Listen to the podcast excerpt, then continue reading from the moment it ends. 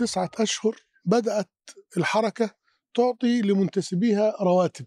أنا سألت كم الراتب الذي يتقاضاه؟ قالوا 100 دولار في الشهر. قبل ذلك يأخذ وجبات وجبات يومية يعيش عليها.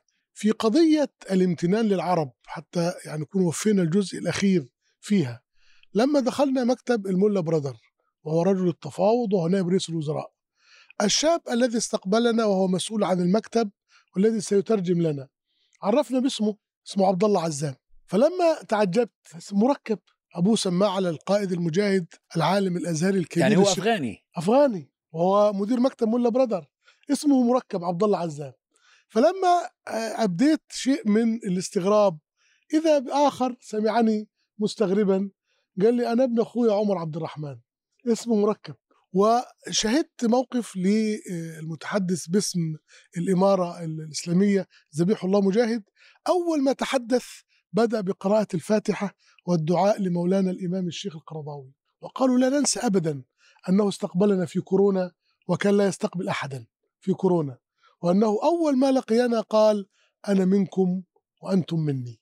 يا سلام رحمة الله عليه. هو حقيقة موضوع ال- يعني الجزء الأول هذا فيما يتعلق بموضوع العفو العام آه، نحن لا نجد مثلا مثلا لما حدث في أفغانستان إلا ما كان في الصدر الأول في مسألة فتح مكة عندما قال النبي صلى الله عليه وسلم اذهبوا أنتم فأنتم الطلقاء. يعني أنتم أنت رأيت وكلنا رأى أنه الهلع الذي أصاب الناس بمجرد أن الإمارة الإسلامية وأن الطالبان سيستلمون الحكم كيف أن الم- المطار اكتظ وأن الناس تعلقوا بالطائرة وهي تطير؟ هذا مشهد أول مرة نراه في حياتنا شيء مذهل وبعضه وكثير منهم فقدوا حياتهم. فقدوا نعم. حياتهم المسألة لماذا؟ لأن الدعاية التي كانت أنه هذه الحركة لن تدع خصومها وأنها ستفعل فيهم الأفاعيل. يعني أنا يحدثنا أحد الإخوة يقول والله أن دخلنا يقول على رئيس الإمارة اللي هو هبة الله الأمير المؤمنين يقول دخلنا عليه.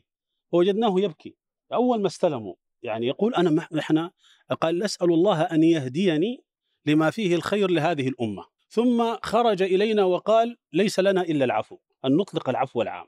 يقول أحد القادة يقول والله يعني أحد الإخوة رأى رجلا قتل إخوته وقتل أهل بيته وتمكن منه وظن هذا الرجل أنه هو مقتول مقتول. فقال والله أن نعرف أن نحن نعرف أنك أنت فلان. وأنك فعلت وفعلت وفعلت ولكن لا لن نفعل لك شيئا التزاما بالأمر الذي صدر إلينا بالعفو العام يا سلام يعني قضية اذهبوا فأنتم الطلقاء هذه أحيانا الله تعالى أحيانا الله تعالى لنراها في هؤلاء الناس ماذا فعلت الأنظمة العسكرية؟ ماذا فعلت في السودان؟ ماذا فعلت الأنظمة العسكرية؟ ماذا فعلت في السودان؟ ليه المشايخ موجودين هنا؟ لماذا أنا موجود هنا؟ ماذا فعلت الأنظمة الدكتاتورية بالمعارضين اللي هم يملأوا الفيافي والمنافي؟ لكن هذا عفو عام شامل لا أظن إنه في دولة أو حزب فعل ما فعلته الإمارة الإسلامية. ولو أن القائمين على نوبل للسلام عندهم شيء من الإنصاف هذا الفعل يستأهل نوبل السلام صحيح. والله إحنا دكتور الحقيقة ماخذين على أنفسنا عهد أن نعطي صورة حقيقية عن هذه الأمارة وعن هؤلاء القوم الذين ظلموا ولم يعطوا حقهم في وسائل الإعلام. ولذلك هذا الكلام تجده منا نحوهم ولا شك أن أنهم يعني من الأمور البسيطة الحقيقة أنك تجد البلد نظيفة. والله أنظف من كثير من عواصمنا العربية التي هي مستقرة من عشرات السنوات. بل المتسوي المتسولون في هذا البلد قلة وهناك دبارة قد عملت لم تحصل في الدول الكبيرة المستقرة جدا أنهم عملوا جمعوا المتسولين وعملوا عليهم دراسة اجتماعية. ومن تبين أنه محتاج جعل له راتب. وهو كما تفضل دكتور محمد آه، الحقيقة الرواتب لا يوجد رواتب. يعني راتب المتسول مثل راتب الجندي حوالي 100 دولار. هي الدولة ما تزال محاصرة وأموالها مجمدة في الولايات نعم. المتحدة. وهذا ما يشكون منه. 9 مليار 9 مليار دولار. 9 مليار ما- ما- محجوزة عنهم. الحقيقة أنا أعتقد أن ال- أنه ينبغي علينا أن نبشر بما وجدناه من الخير. يعني تصور أنت هؤلاء الأفغان كشعب وكدولة لهم 9 مليار عند الأمريكان هي حق للشعب الأفغاني محجوزة والأمريكان ينفقون المليارات على السيسي وهو يحتجز ما لا يقل عن 60 ألف مواطن بدون وجه حق لا ولا أحد أيضا يتحدث ب- بحق- باحقيه هؤلاء بالاشراف وان يستولوا على هذه الأموال وينفقوها على شعبهم. الحقيقة هذا ينبغي أن يتحدث عنه العلماء في المحافل، ينبغي أن تخرج المظاهرات في بلاد العالم الإسلامي لتطالب به، ينبغي أن يحصل ال- المطالبة بهذا الحق في كل مكان، الدول العربية في ال- المؤسسات الدولية ينبغي والإسلامية ينبغي أن تطرح هذه الفكرة. لماذا يحجر على أموال الشعب الأفغاني؟ ثم بعد ذلك نأتي ونتحدث عن تعليمه على أهمية. طبعا هذا أكيد أن لها جولة من الجولات والحديث مسألة التعليم. لكن أنا أعتقد الآن نحن في إطار الحديث في هذا الموضوع أنه يجب على العالم الإسلامي في البداية وقبل كل شيء أن يتحدث عن وسائل نصرتهم وعن حقهم المسلوب وعن اعتداء أمريكا المستمر رغم خروجها العسكري الإلزامي القهري. أمريكا خرجت بالقهر حاولوا أن يبقوا لهم قاعدة وقدموا في سبيل ذلك الكثير أن يبقى لهم قاعدة قال سنواجهها ولو بقي جندي أمريكي واحد سنواجهه مواجهة المحتل. ولذلك بالفعل ظهروا أفغانستان. من كل الأمريكان. وعطفا على كلامك في موضوع قضية الاحتياج الاقتصادي يعني هي أفغانستان الآن تمر بحصار اقتصادي خانق. رغم أنها بلد آه، غني. غني. وهذا الاقت... يعني وهذا بالموارد وهذا هذا الحصار الاقتصادي الخانق الآن الذي للأسف الشديد إن الدول الإسلامية تتفرج على هذا الوضع. يعني أنا اليوم ذاكر أقرأ إنه البنك الإسلامي للتنمية يعني خصص لي في أفغانستان 150 ألف دولار. لا إله إلا 150 الله. ألف لا دولار إله إلا الله. لهذا الشعب الذي فيه كل هذه الأزمات ومع ذلك ماذا يفعلون ب هذا ما يشتري سيارة حديثة من سيارات الشباب في البلاد العربية. ومع ذلك ومع ذلك يعني استطاعت هذه الدولة استطاعت الإمارة أنهم هم يلتزموا بمرتبات أكثر من 700 ألف موظف. سألناهم كيف هذا؟ من أين لكم نظافة؟ اليد أخي نظافة اليد. قالوا هذه من الموارد الداخلية. ماذا فعلتم؟ قالوا قضينا على الفساد. يا سلام. كل ما فعلناه أننا قضينا على شيء اسمه فساد. يعني الجمارك كل الهدر راح. للتجارة في ال- في الفحم ال- ال- الحجري. هذه موارد كانت موجودة أيام الاحتلال وأيام الدولة الموالية للاحتلال لكن كانت تذهب إلى جيوب ال- ال- فاسدين. ال- من الكبار عجيب المشاريع الموجودة. مشروع اسمه مشروع النهر الكبير. عندهم هذا النهر على على الحدود الطاجيكية يعني من من من نه- نهر جيحون. هذا النهر الآن تعمل فيه أكثر من أربعين ألف آلية من الآليات التي غنموها ويعني يعملون هناك آلاف مؤلفة يعملون في حفر هذه. لا توجد أي دولة ساهمت أو تساهم الآن في حفر هذا النهر. يعني هو النهر موجود أصلا ويوسعونه ولا هم بيعملوا نهر؟ هم بيعملوا نهر. الآن شغالين في عمل النهر هذا عبارة عن يعني بيشقوا نهر من أول وجديد. لا النهر هم نفس الفكرة الموجودة في مصر. النهر موجود لكن هم عايزين يعملوا منه تفريعات وترع حتى ترعة كبيرة. في عملية قضية الزراعة. الزراعة الري الزراعة لأن أيوة. الخيرات الموجودة عندهم كما تفضلت لو نظرت فقط يا دكتور إلى عبقرية المكان باستثناء أمريكا أخرج أمريكا وسمي لي القوى العظمى في العالم كلها تحيط بأفغانستان الصين روسيا باكستان والهند إيران كل هذا ثم كل شيء غالي هو مبذول وموجود في هذا البلد. مثلا الزعفران اللي هو أغلى من الذهب. بالجرام معروف جرامه أغلى من الذهب. هذا هو كالنعناع هناك مع الشاي ويقدم كالنعناع أغلب المكسرات التي تأتي من باكستان ومن إيران أجودها يأتي من أفغانستان وهي موجودة الأحجار الكريمة. يعني بلد وجع الله تبارك وتعالى فيه خيرات كثيرة جدا. وأيضا من الأشياء التي لوحظت يعني السيارات فخمة. السيارات الحكومية وبعضها يعني على الزيرو كما يقال حتى ما عندها أرقام ومصفحة. وأيضا المكاتب الحكومية فخمة. إحنا استغربنا يعني قلنا لهم متى يعني؟ هذا مما ورثوه. فقالوا هذا كله ورثناه من من الاحتلال. يعني تذاكرنا الآية وأورثكم أرضهم وديارهم وأموالهم وأرضا لم تطعوها إن شاء الله. ال- من الأشياء أيضا يعني ال- ال- التي يعني لاحظناها آه، قضية ال- يعني هناك نوع من الانفتاح ما كان موجودا في الإمارة الأولى. يعني مثلا من الأشياء التي كانت مسلمة في الإمارة الأولى أن التصوير حرام. وربما يكون هذا والله أعلم بتأثير يعني بعض العرب الذين كانوا موجودين يعني معهم. الآن ما دخلنا على واحد من ال من ال من الوزراء إلا ومعه مصوروه ولا أحد منهم يمانع في ال- التقاط الصور سواء كان صور متحركة أو صور ال- ال- قدرتهم على إدارة الخلاف. وكما قال دكتور نواف هذا الموضوع سيأتي لكن يعني إلماحة سريعة بأن قضية تعليم البنات ليست متفقا عليها يعني فيما بينهم بل أكثرهم يعارض هذا القرار. قرار البنع قرار المنع. وصرحوا هذا صرحوا بهذا في في حضور الناس يعني ليس سرا متداولا. قالوا بأننا ضد يعني هذا ال- ال- القرار. لكن في الوقت نفسه أفلحوا في أن يديروا هذا ال- الخلاف بصورة يعني حضارية. أثمرت تشكيل لجنة يعني من عدة وزارات لدراسة الأسباب التي أدت إلى صدور يعني هذا ال- القرار ودراسة الوسائل التي تؤدي إلى رجوع يعني تعليم ال- البنات وإزالة ال- ال- الحواجز سواء كانت يعني موانع شرعية أو لوجستية من أجل أن ينال يعني الإناث حظهن في التعليم كالذكور.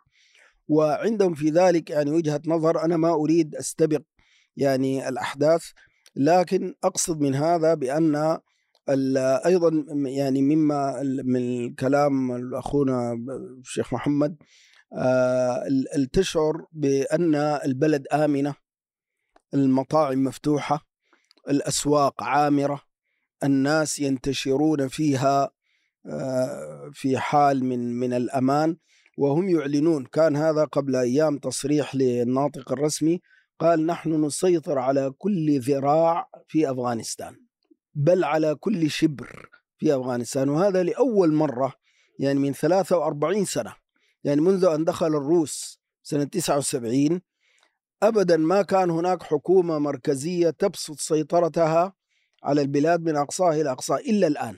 والمفترض هذه تكون محمدة يعني هذه في حد ذاتها محمدة انه بلد كانت مقسمة.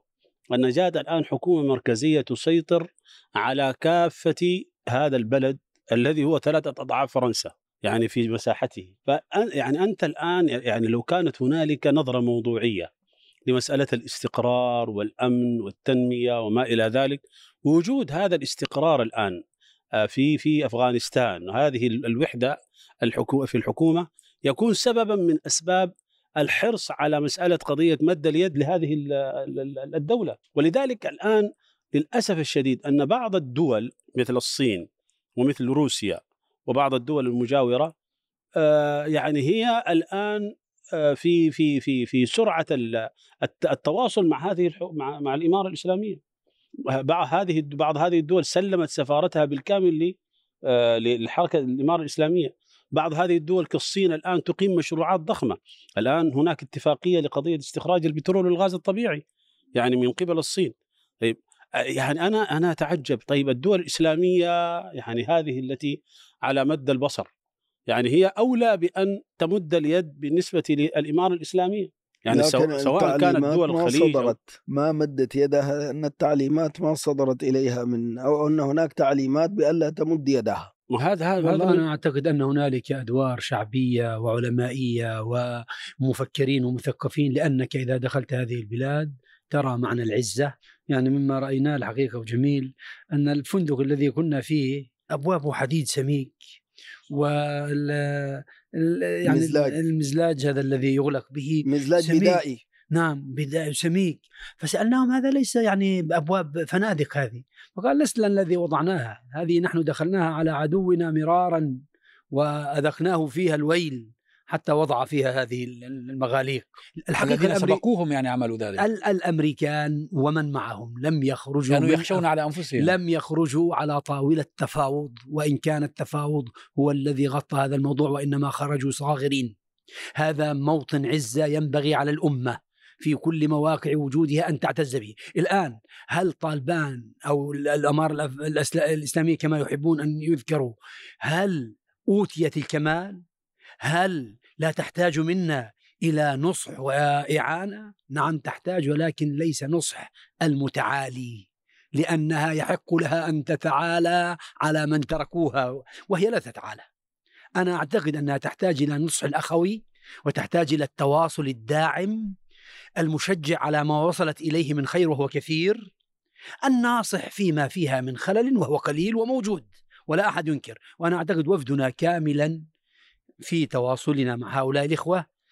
صحيح كنا مجمعين على الثناء على إنجازاتهم وعطاءاتهم والخير الذي وصلوا إليه وكنا أيضا مجمعين على ضرورة تقديم النصح لهم في نقاط يحتاجونها.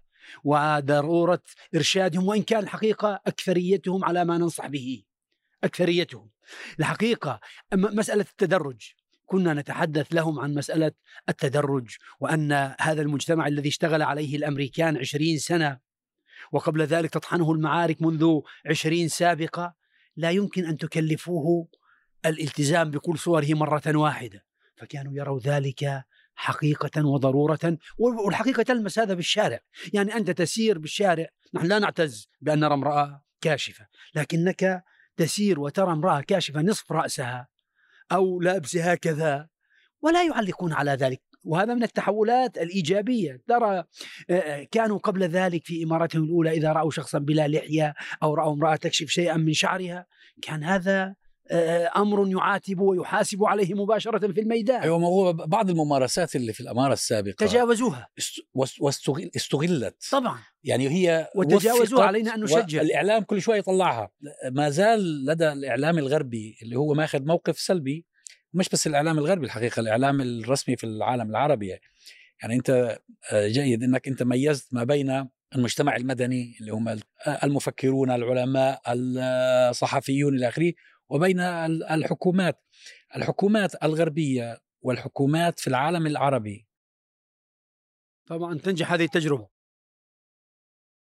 طبعاً- صحيح، طبعاً، ما قطعاً. في شك صحيح. هم لا يريدوا ولذلك. علينا أن نريد إحنا مسلمين وصادقين ونرى تجربة قطعت شوطا عظيما مباركا خيرا يعتريه بعض الخلل كطبيعة أعمال البشر. فهذا يوجب علينا على المسلمين جميعا أولا وابتداء وهذا دعوتي لكل من يريد أن يذهب هناك التركيز على الإيجابيات العظيمة الموجودة وعدم غض الطرف المطلق عن السلبيات التي تحتاج إلى مبادرة ونصح هادئ والتي لا تخلو منها تجربة. والتي لا تخلو منها تجربة في ما الحقيقة هو لاحظ أنت إنه الإيجابيات لا تصلنا نحن هنا. لا تصل نعم. لا يصلنا الا ولذلك السلبيات تجدنا ركزنا ون- ونركز يعني ونؤكد لأن على هذه. لأنكم ذهبتم رأيتم لكن جانباً. لكن لكن مع الأسف يا دكتور عزام ويؤسفني إنه نخبة من الإسلاميين ومن الدعاة.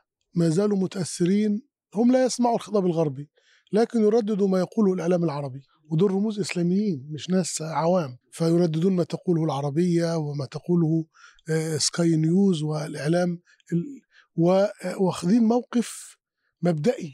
اذهبوا وانظروا باعينكم بعضهم يقول أنتم تتحدثون باسم القوم. أقول له ليس آه، راء كمن سمع. أنا رأيت بعيني وما شهدنا إلا بما علمنا. نحن من أربع دول. نحن الأربعة. كلانا حدث الآخر. ان كابل انظف من عواصمنا. أربعة باعتبار آه، سامي الساعدي الذي ليس معنا. نعم كويس. لا بس الشيخ سامي يبقى خمسة. خمسة من أربع دول.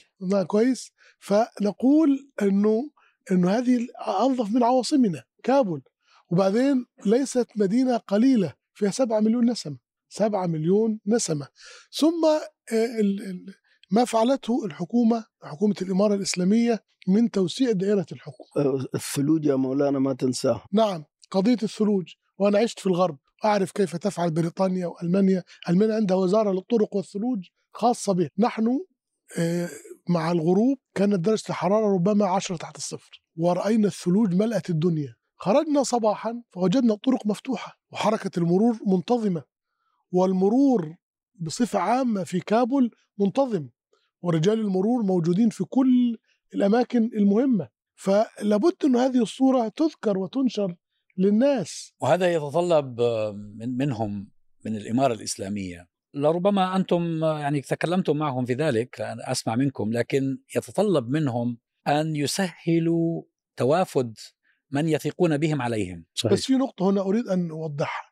هم بيستوثقوا لأن هم أيضا جاءتهم مشاكل كثيرة والآن بيحاربوا من داعش. يعني مما لا يذكره الإعلام أن الإمارة الإسلامية قبل الفتح أيام الغزو كانت تقاتل داعش أيضا. وذكر لي أحد كبار القادة أن مما اشترطوه على مائدة التفاوض أن ترفع أمريكا يدها عن رعاية داعش. قالوا كنا نحاصرهم أحيانا في كهوف فتأتي الطائرات فتأخذهم. ثم الآن داعش تضرب في الأسواق والمساجد. يعني هم على يقين بأنه داعش والأمريكان بيشتغلوا مع بعض؟ هذا قيل علنا في التفاوض. ليس سرا.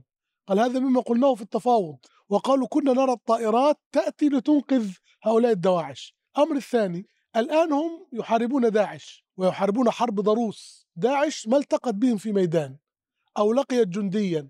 إنما يذهبون إلى الأماكن الرخوة أمنيا المساجد والأسواق. آه للأسف المساجد آه. هات لي نشرة في العالم أو إعلامي في العالم بيتحدث عن دور الإمارة الإسلامية في قتال داعش؟ أليس داعش دي خطر خطر فاحش؟ لا أحد يتحدث عن ذلك. ثم لما حدثناهم عن توسيع دائرة العمل أولا لابد أن نعرف أن البشتو أو البشتون دول أكثر من 45% من عدد السكان. دول مش قبيلة معينة ده أغلبية السكان. يعني لو بالديمقراطية والأصوات والانتخابات هياخدوا أغلبية ساحقة. عندهم ثلاث وزراء ثلاث وكلاء وزراء من الشيعة. ثلاثة. وعندهم نائب وزير من السلفية. سألناهم عن بعض الحركات الإسلامية الأخرى. لماذا ليست معكم؟ قالوا هم رضوا أن يكونوا مع الاحتلال وعملوا معه وما زالوا مأموسين باللغة المصرية. مأموسين إنه الاحتلال مشي. نعمل لهم إيه يعني؟ ما يريدون المشاركة. ده بالإضافة أيضا إلى مشاركة من الأوزبك يعني نائب رئيس الوزراء عبد السلام لل- حنفي. نعم هذا من الأوزبك وهناك وزراء من الطاجيك. وهناك كما تفضل سماحة الشيخ من الهزار اللي هم الأقلية الشيعية. وأنت تعرف يعني موقف طالبان الأولى وال- والقتال الذي دار بينهم وبين الشيعة. فالمقصود بأن هناك نوع من الاستيعاب للشعب. هناك نوع من ال- التدرج في معاملة يعني الناس. طبعا هناك قضايا لا يتسامحون فيها. مثلا الآن المخدرات أفلحوا خلال سنة ونصف في القضاء عليها مرة أخرى. والله هذا مهم هذا أه- أهم حاجة هذا. ما يتحدث الإعلام عن هذا الجهد الكبير. لا- لا- ليس كذلك فقط أنا أيضا أقول آه، العمل الإسلامي بشكل عام وهذه دائما نتحدث بها في كل المحافل. المدارس الإسلامية من حقها أن تتعدد ومن حقها أن تعمل في البلاد ولكن واجبها في الحقيقة إذا وصلت جهة منها أو مدرسة من المدارس إلى سدة الحكم أن تتبعها المدارس كلها وتأتيها طائعة. إذا كانت تبحث عن الإسلام وإذا كانت تسعى لحكم الإسلام. أما إذا كانت تبحث عن أمجاد حزبية وشخصية و... فهذا مشروع آخر. نحن نتحدث عن الإسلام. يعني في جماعات إسلامية موجودة في أفغانستان ليست على وفاق معهم. موجود بالتأكيد ولكن الطريق وأنا نصحت لبعض الإخوة الطريق اذهبوا إليهم وهذا حصل. جلال جلال الدين حقاني رحمه الله. رحمه الله كان معارضا لهم. فلما انتصروا في الإمارة الأولى جاءهم وقال أنا منكم. قالوا له جندي. وهذا شيء طبيعي الحقيقة حتى في الجو الأمني والجو العملي وإحنا نعاني معاناة الإسلاميين أنهم خلطوا الكل مرة واحدة تحت عنوان الانفتاح الديمقراطي والنتيجة كانت عكسية. أنا أعتقد هم في هذا الإطار آه، قالوا له أنت تعود فردا. قال لهم نعم فرد. تصادر كل ممتلكاتك. قال نعم أنا أخضع للدولة. فلما سار كذلك الآن ابنه وزير وأخوه هو وزير نفسه هو و- نفسه كان وزير. وهو صار وزيرا و- وصار هو شطر الدولة. أنا أعتقد ومن حقهم أن يحتاطوا في هذا. ولكن أيضا أنا أقول لهم قابلتم و- حدا منهم الحقاني؟ قابلتم؟ نعم وزير ال- الوزير الح- ابنه قابلناه وزير اللي هو الداخلية. لأنه في الصورة وأخوه اللي وزير المهاجرين. وز- وزيرين منهم هي قابلناهم. الصورة الصورة التي في الإعلام ان أنهم قريبون من الإمارات. لا بالعكس. هذا على العكس تماما. آه، آل حقاني هم آه، يعني آل آل العلم. وكلمة حقاني قد تجد من ينسب إلى حقاني في الوزراء وهو ليس من الأسرة. وإنما كلمة حقاني مثل الندوي ومثل آه الأزهري. نسبة إلى م... نعم. مثل مدرسة إلى إلى إلى مدرسة المدرسة. آه. المدرسة الجامعة الكبرى. التي أسسها الشيخ الإمام جلال الدين حقاني. فمن تخرج إليه. نعم من تخرج من هذه المدرسة ووضعت له العمامة الحقانية بالمناسبة. الشيخ عبد الحي وضعت له العمامة الحقانية وأعطاهم العمامة السودانية وأكرمونا حقيقة بهذه العمائم العلمية. فكل من خرج من هذه المدرسة وأصبح من علمائها يحق له أن آه، ينتسب إليها. الآن ال- سراج الدين حقاني هو الرجل الذي آه، أنشأ الصاعقة وهو الذي أنشأ آه، قوى بدر 313 اللي هم الاستشهاديين هو وزير الداخلية والرجل الأقوى.